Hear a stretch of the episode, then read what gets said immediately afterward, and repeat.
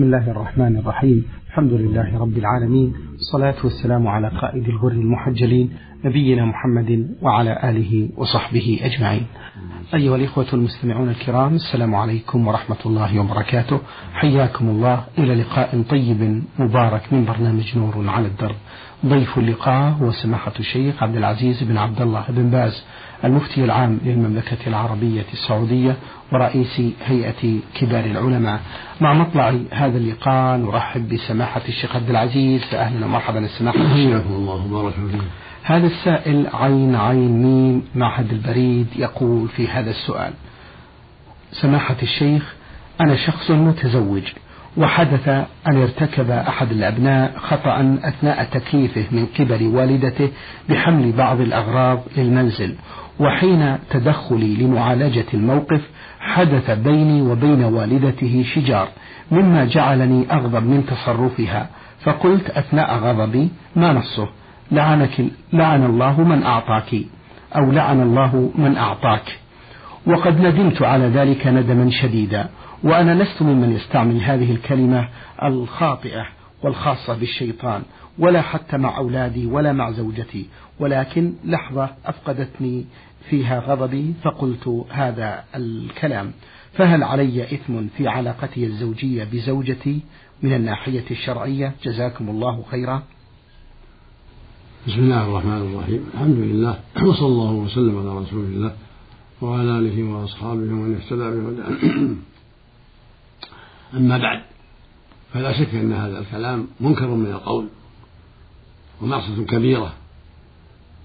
فالواجب عليك التوبة إلى الله منها لأنها سب وشتم لا يليق منك. وقولك لعن الله من أعطاك هذا خطره عظيم لأن هذا قد يعود إلى الله الذي أعطى. هذا منكر شنيع وإذا قصدت قصدت بذلك الرب فهذه ردة على الإسلام. فالواجب عليك التوبة إلى الله ومن تاب تاب الله عليه عليك التوبة والندم والإقلاع. والعزم ألا تعود في ذلك وعليك الاستكثار من العمل الصالح وابشر بالخير إن شاء الله. من تاب تاب الله عليه. يقول الله سبحانه قل يا عبادي الذين أسرفوا على أنفسهم لا تقنطوا من رحمة الله. إن الله يغفر الذنوب جميعا. إنه هو الغفور الرحيم. ويقول سبحانه وتوبوا إلى الله جميعا أيها المؤمنون لعلكم تفلحون. من تاب أفلح. فعليك التوبة إلى الله والندم والإقلاع والإستكثار من العمل الصالح وأبشر بالخير إن شاء الله. وزوجك معك ولا يضر ذلك من جهة النكاح. وقد قال الله سبحانه في من أشرك وفي قتل من قتل ولده وزنى قال جل وعلا والذين لا يدعون مع الله إلها آخر ولا يقتلون النفس التي حرم الله إلا بالحق ولا يزنون ومن يفعل ذلك يلقى أثاما يضاعف له العذاب يوم القيامة ويخلد فيه مهانا. يعني المشرك والقاتل والزاني. ثم قال إلا من تاب وآمن وعمل عملا صالحا. فأولئك يبدل الله سيئات حسنات وكان الله غفورا رحيما. فنسأل الله يمن عليك وعلى كل مسلم بالتوبة. ونسأل الله أن يعيدك من العود إلى مثلها. نعم. نعم سماحة الشيخ آه هذا السائل يقول عندما قلت لعن الله من أعطاك يعني ابنه يعني الزوجة. على كل حال هو منكر سواء قصد الزوجة أو ما قصد الزوجة هو منكر. فعليه التوبة إلى الله من ذلك. نعم. جزاكم الله خيرا. امرأة كبيرة في السن فاتتها أو فاتها صيام رمضان في العام الماضي نظرا لمرضها وعدم استطاعتها وهي تسأل ماذا تفعل في في قضاء ذلك الصيام؟ علما بأنها الآن لا تستطيع القضاء نظرا لحالتها الصحية. إن كان لا تستطيع القضاء لمرضها فعليها القضاء بعد بعد الشفاء. وتمهل. لقول الله سبحانه ومن كان مريضا أو على سفر فعدة من أيام أخرى. أما إن كانت لا تستطيع لكبر سنها وضعف بدنها وعجزها عن الصبر عن الطعام والشراب إلى الليل فإنها تطعم عن كل يوم مسكينا. ولا شيء عليها والحمد لله. السائلة أم خالد من الرياض تقول ما تفسير هذه الآية؟ خلق الإنسان من عجل في سورة الأنبياء؟ على ظاهرها. خلق آدم. خلقه الله من تراب. الأخرى من طين تراب لما عجن بالماء صار طينا ثم صار طينا لازبا ثم حماء مسنونا ثم صلصالا كالفخار جاء في الحديث إنه لما نفخت فيه الروح أراد أن يقوم قبل أن يكمل أن يستكمل أن تسلم أن تسلم الروح بدنه من عجلته. ولهذا قال تعالى خلق الإنسان من عجل. قال جل وعلا وكان الإنسان عجولا. نعم. جزاكم الله خيرا. في سؤالها الثاني تقول في الآية الكريمة ولقد استهزئ برسل من قبلك. ما سبب نزول هذه الآية؟ سببها التسلية للرسول صلى الله عليه وسلم. يقول لا تجزع فقد استهزئ بالرسل من قبلك.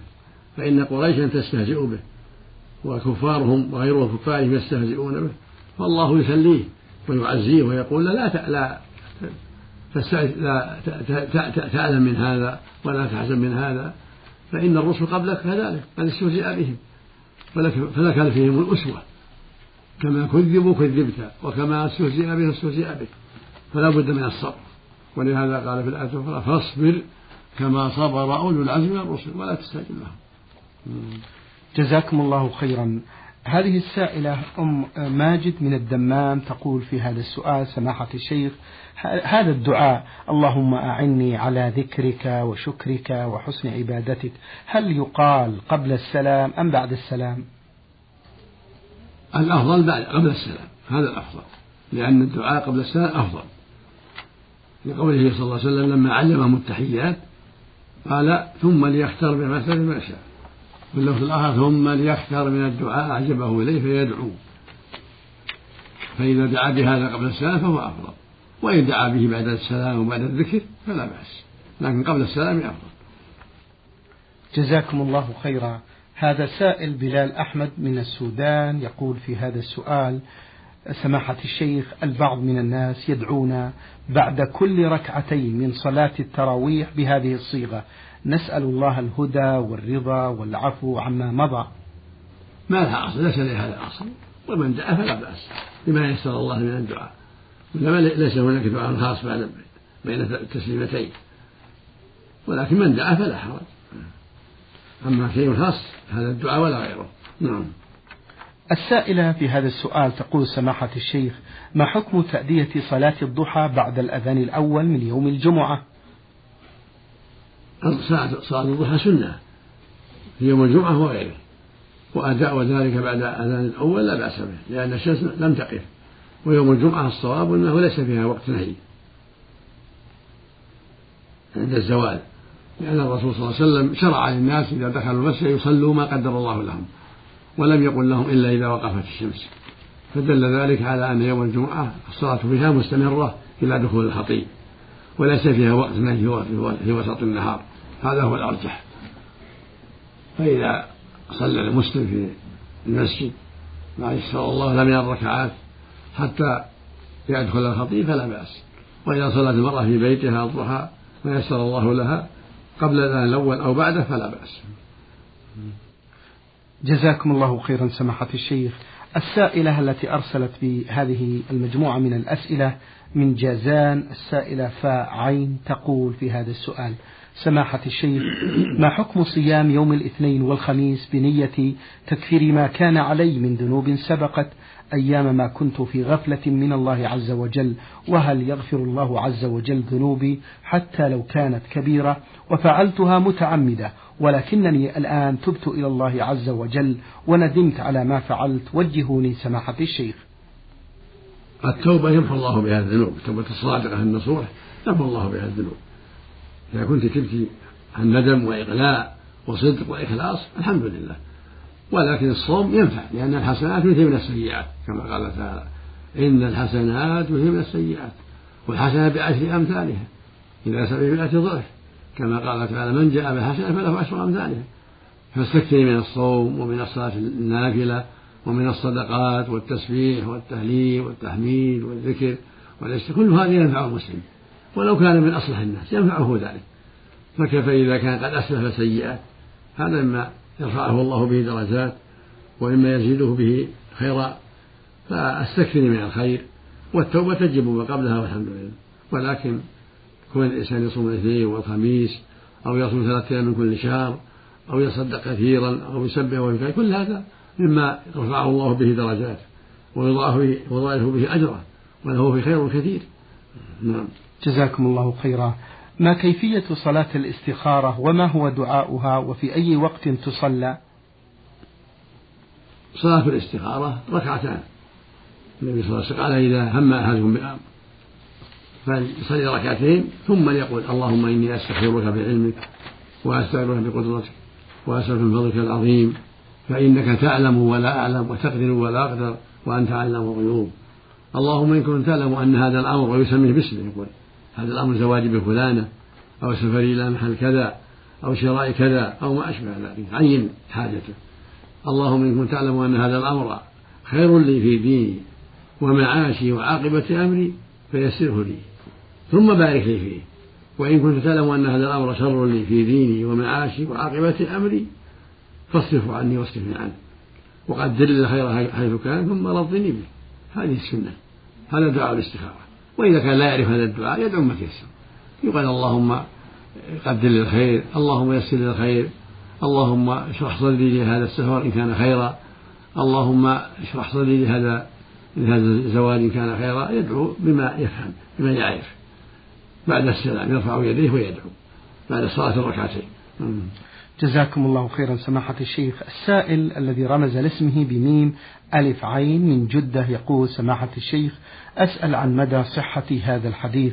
عن جابر رضي الله عنه قال أن رسول الله صلى الله عليه وسلم قال في خطبة له اعلموا أن الله قد فرض عليكم الجمعة في مقام هذا في شهر هذا في عام هذا إلى يوم القيامة.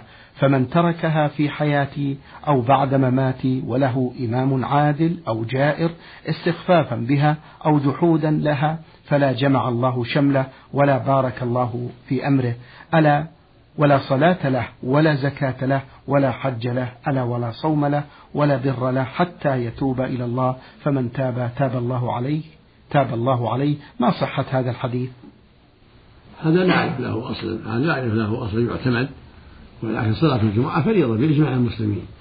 قد أوجبها الله على المسلمين وأوجبها رسوله عليه الصلاة والسلام وقال لينتهين أقوام عن ودعهم الجمعات عن ودعهم الجمعات أو لا يختمن الله على قلوبهم ثم لا يكونن من الغافلين. وقال من ترك الجمعة من غير عذر طبع الله على قلبه. فالمقصود أن صلاة الجمعة فريضة عند جميع المسلمين. أما هذا الحديث الذي ذكره السائل فلا أعرف له أصلا. يعتمد عليه. نعم. السائل محمود فتحي يقول من هو ذو القرنين وما هي قصته؟ قصته في القرآن ذكرها الله في القرآن يكفي ما في القرآن واضح. ذكر الله في آخر سورة الكهف تقرأ سورة الكهف وتعرفها. نعم. جزاكم الله خيرا. هذا السائل يقول في سؤاله ما حكم تقبيل المصحف وما هو فضل سورة الدخان؟ لا أعلم حرج في ذلك. إذا قبله لا تعظيما له. يروى عن عكرمة بن أبي جهل الصحابي رضي الله عنه أنه كان يقبله ويقول هذا كلام ربي فلا أعلم حرجا في ذلك. وسورة الدخان من أفضل السور ولا أعلم فيها شيء يخصها ولكنها من كلام الله عز وجل وكلام الله أفضل الكلام وفيه الخير والهدى والصلاح كما قال الله جل وعلا إن هذا القرآن يهدي للتي يقوم وهي من جملته. فيها الخير والهدى. نعم. جزاكم الله خيرا. السائل يقول في هذا السؤال هل صحيح بأنه لا صلاة بعد الوتر؟ لا بأس. ليس بصحيح. لا صلاة لا له أن يصلي بعد الوتر. مو بوقت نهي. لكن الأفضل أن يختم الليل بالوتر. أن يختم صلاته بالليل بالوتر. والنبي صلى الله عليه وسلم كان ربما صلى ركعتين بعد الوتر. ليعلم الناس أنه لا حرج في ذلك.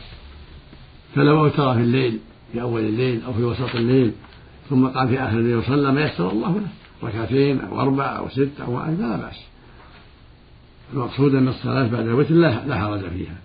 لكن الأفضل لمن صلى آخر الليل أن يختم بالوتر يختم بالركعة الأخيرة الواحدة تكون هي الخاتمة.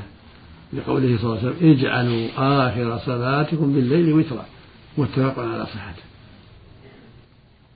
جزاكم الله خيرا. هذه السائلة أم وليد من الدمام تقول سماحة الشيخ سمعت حديثا عن رسول الله صلى الله عليه وسلم فيما معناه بأنه من صلى الفجر في جماعة ثم جلس في مصلاه أو في عبادة الله حتى تطلع الشمس بمقدار رمح في السماء كان له أجر حجة وعمرة تامة تامة. وأنا يا سماحة الشيخ لا أستطيع, لا أستطيع تقدير هذا الوقت وأرجو من سماحتكم بيان مقدار هذا الوقت بالدقائق. مأجورين. هذا حديث لا بأس به جاء له من طرق لا بأس به. إذا صلى الإنسان الفجر وجلس في مصلاه حتى تطلع الشمس وترتفع هذا فيه فضل عظيم. ثم صلى ركعتين. كان النبي صلى الله عليه وسلم يجلس في مصلاه الفجر في الغالب حتى تطلع الشمس طلوعا حسنا. فإذا جلس الإنسان الرجل في مصلاه أو المرأة في مصلاها فإذا ارتفعت الشمس صلى ركعتين هذا كله طيب وحسن. وهو بعد ربع الساعة من تقريبا من طلوع الشمس. فإن طلوع الفجر إلى طلوع الشمس نحو ساعة ونصف ثم بعدها نحو ربع ساعة. يعني بعد طلوع الفجر من نحو ساعتين إلى ربع أو ساعتين إلى عشر يكون في ذلك قد ارتفعت الشمس. فهذه في هذا الوقت إذا صلى في ركعتين فيه خير عظيم أو أكثر من ذلك. نعم. جزاكم الله خيرا. سماحة الشيخ تقول السائلة هل ينطبق أيضا هذا على النساء؟ عام الحديث النساء والصبيان والنساء والرجال جميعا. الحكم عام. تقول في ثاني أسئلتها ما هي الأعمال التي إذا تمسكت بها المرأة آه، كانت من الذين يدخلون الجنة بغير حساب ولا عذاب؟ مثل الرجل سواء. إذا استقامت على طاعة الله وأدت فرائض الله وتركت محارم الله دخلت الجنة بغير حساب. كالرجل. المهم الاستقامة على دين الله بأداء فرائض الله وترك محارم الله والتوبة مما قد يقع من الذنوب فمن استقام على هذا حتى الموت دخل الجنة بغير حساب. الله المستعان الله المستعان جزاكم الله خيرا سماحة الشيخ. من اليمن السائل ألف عين ميم يقول في هذا السؤال ما حكم التطيب؟ ما حكم التطيب ببعض العطور؟ علما بأن بعضها يحتوي على تسعين بالمئة من الكحولات. وهل هي تنجس المؤمن أو ثياب المؤمن أم ماذا؟ إذا كان الطيب فيه مسكر في نوع من المسكرات حرم استعماله. لقول النبي صلى الله عليه وسلم ما أسكر كثيره فقليله حرام. وعلى كل مسكر حرام. هكذا قال صلى الله عليه وسلم. فإذا علم أن هذا الطيب أو هذا الشراب أو هذا الطعام كثيره يسكر حرم. وأكثر أهل العلم على أن ما أسكر فهو نجس. فينبغي توقي ذلك إذا أصابه شيء من الخمر أصاب ثوبه فإذا غسل يكون حسن إن شاء الله من باب الاحتياط. المقصود أن ما أسكر كثيره من طعام أو شراب فهو نجس عند الجمهور وهو محرم عند الجميع عند جميع العلماء. ما أسكر, ما أسكر كثيره فقليله حرام.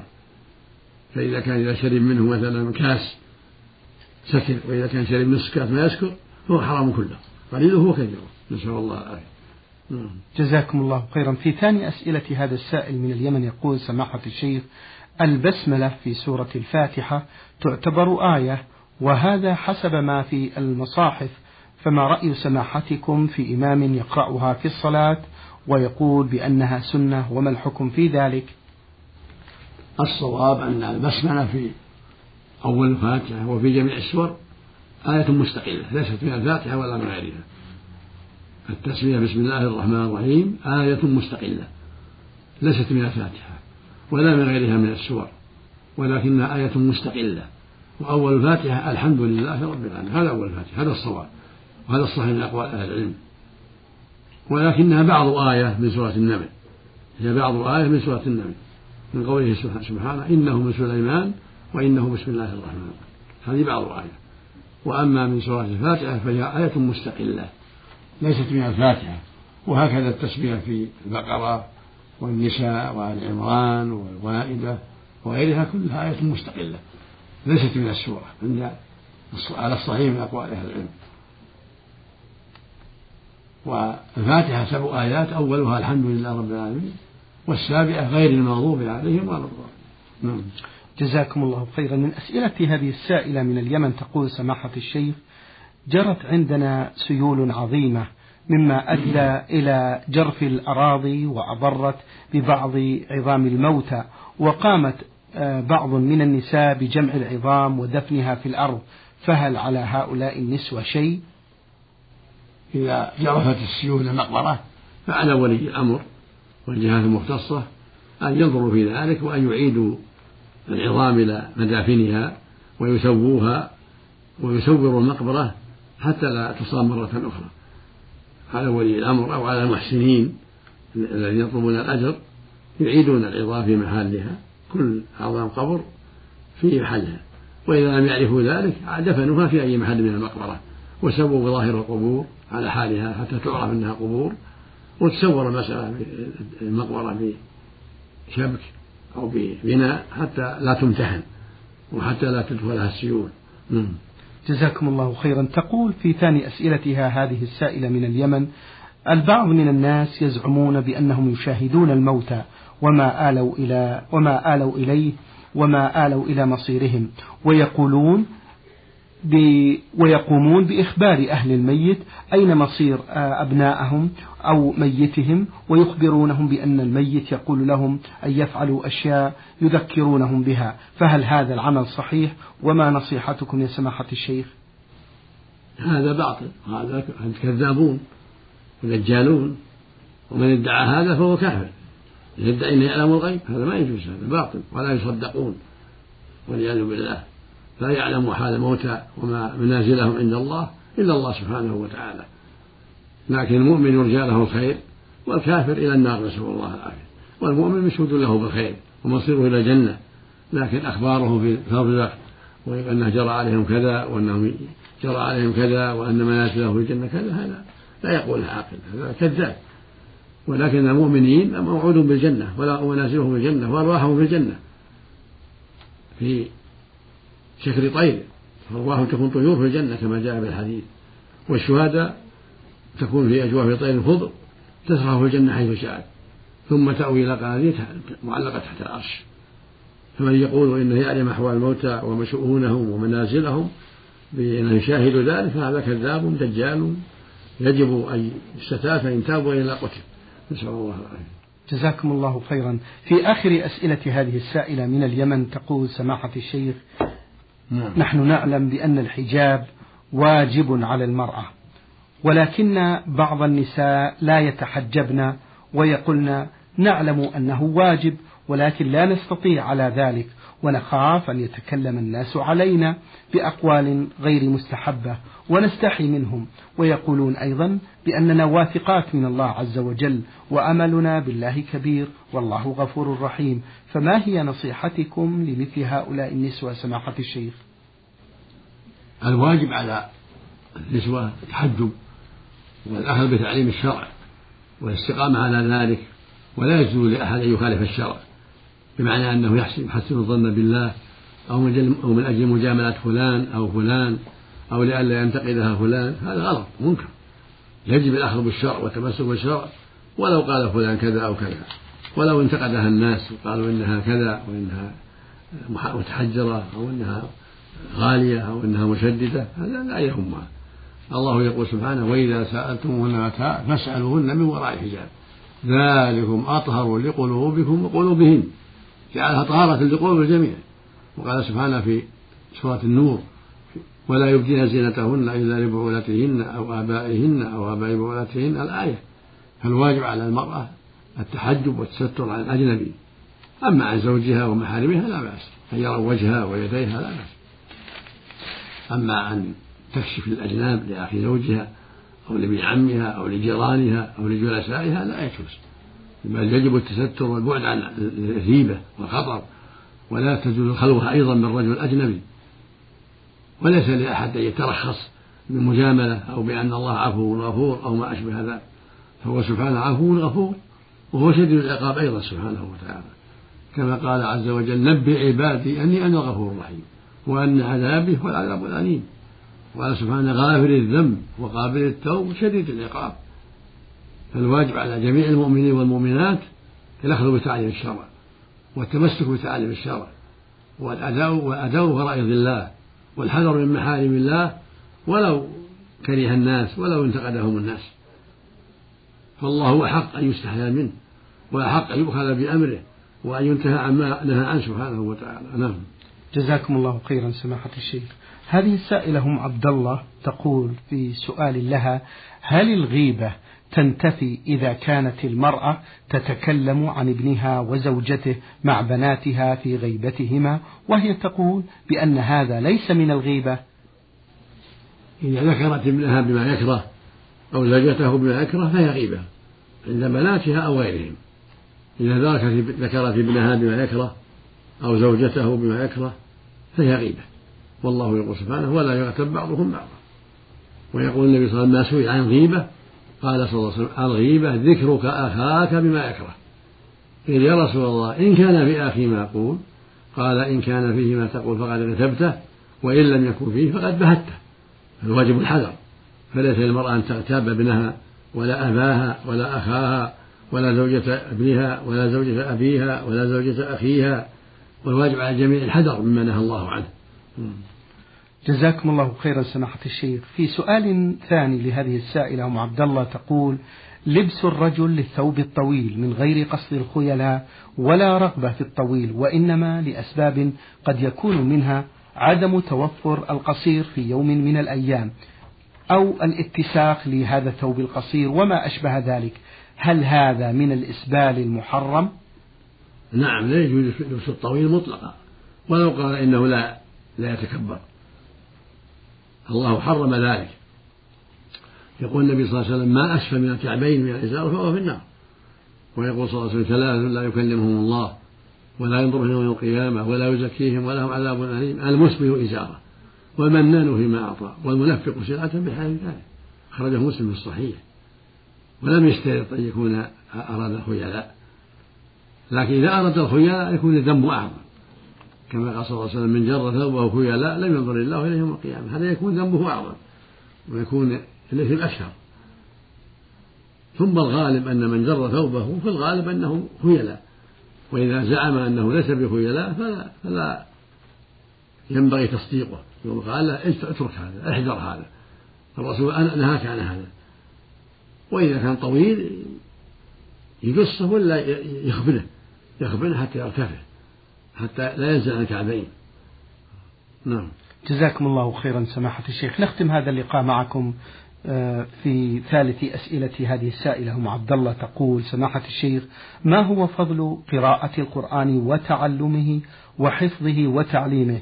وهل قراءة الكبار والكبيرات في السن للقرآن رغم تحريف بعض الآيات كرفع المنصوب أو جر المرفوع وغير ذلك لعدم قدرتهم على النطق الصحيح هل هذا جائز أم لا؟ مأجورين.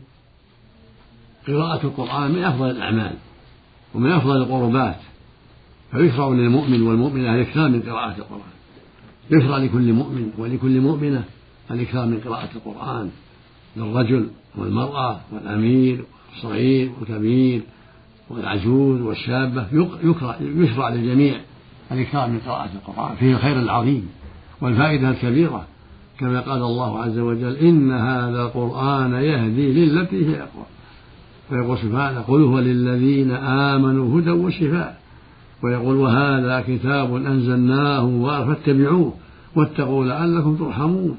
ويقول جل وعلا هذا بلاغ للناس ولينذروا به وليعلموا أنما هو إله واحد وليذكر أولو الألباب. ويقول النبي صلى الله عليه وسلم اقرأوا هذا القرآن فإنه يأتي شفيعا لأصحابه يوم القيامة. ويقول صلى الله عليه وسلم من قرأ حرفا من القرآن فله به حسنة والحسنة بعشر أمثالها. وكان يوما جالسا في أصحابه فقال عليه الصلاة والسلام أيحب أحدكم أن يذهب إلى المدينة إلى إلى أن يذهب إلى بطحان واد في المدينة فيرجع بناقتين عظيمتين في غير إثم ولا قطيعة رحم؟ قال كلهم كل واحد يحب ذلك. قال أن يذهب أحدكم إلى المسجد فيعلم آية من كتاب الله خير له من ناقتين عظيمتين. وثلاث خير من ثلاث وأربع خير من أربع ومن أعدادهن من الإبل. فالسنة لجميع الإكرام من قراءة القرآن للمرأة والرجل العجوز ولغير العجوز. ولو جرى بعض التحريف ما يضر. نعم. عليها أن تجتهد وعلى الرجل يجتهد حتى يقيم لسانه. عليه أن يجتهد. يقول النبي صلى الله عليه وسلم من قرأ القرآن وهو ماهر فيه فهو مع السفرة الكرام البررة ومن قرأه وهو عليه شاق ويتتعتع فيه فله أجران. هذا فيه فضل عظيم له أجران. إذا قرأ القرآن ويتعتع فيه لأنه ليس بحافظ الله ولا جيد في قراءته لكنه يتعلم له أجران. فالمرأة تتعلم والرجل يتعلم ويقف ولا يعجل حتى يفهم الآية حتى يفهم الحرف حتى يقيم حتى يقيم الكلمة تعلم وإذا كان عنده من يعلمه كان ذلك خيرا عظيما. يقول يا فلان اسمع لي أو يا فلانة تقول لأختها اسمعي لي إذا كانت أفهم منها. يتعاون على البر والتقوى. كل واحد يعين الآخر. أو لزوجها كان زوجها يقرأ أحسن منها تقرأ عليه أو لأمها أو على أختها أو نحو ذلك. هذا من التعاون على البر والتقوى. وإذا قرأت اليوم آه، تلحن في اليوم الثاني إن شاء الله ما تلحن. بالتعلم. وفق الله الجميع نعم. اللهم آمين. شكر الله لكم سماحة الشيخ وبارك الله فيكم وفي علمكم ونفع بكم الإسلام والمسلمين. أيها الإخوة الأحباب أجاب عن أسئلتكم سماحة الشيخ عبد العزيز بن عبد الله بن باز المفتي العام للمملكة العربية السعودية ورئيس هيئة كبار العلماء. في الختام تقبلوا تحيات زميلي مهندس الصوت فهد العثمان والسلام عليكم ورحمة الله وبركاته.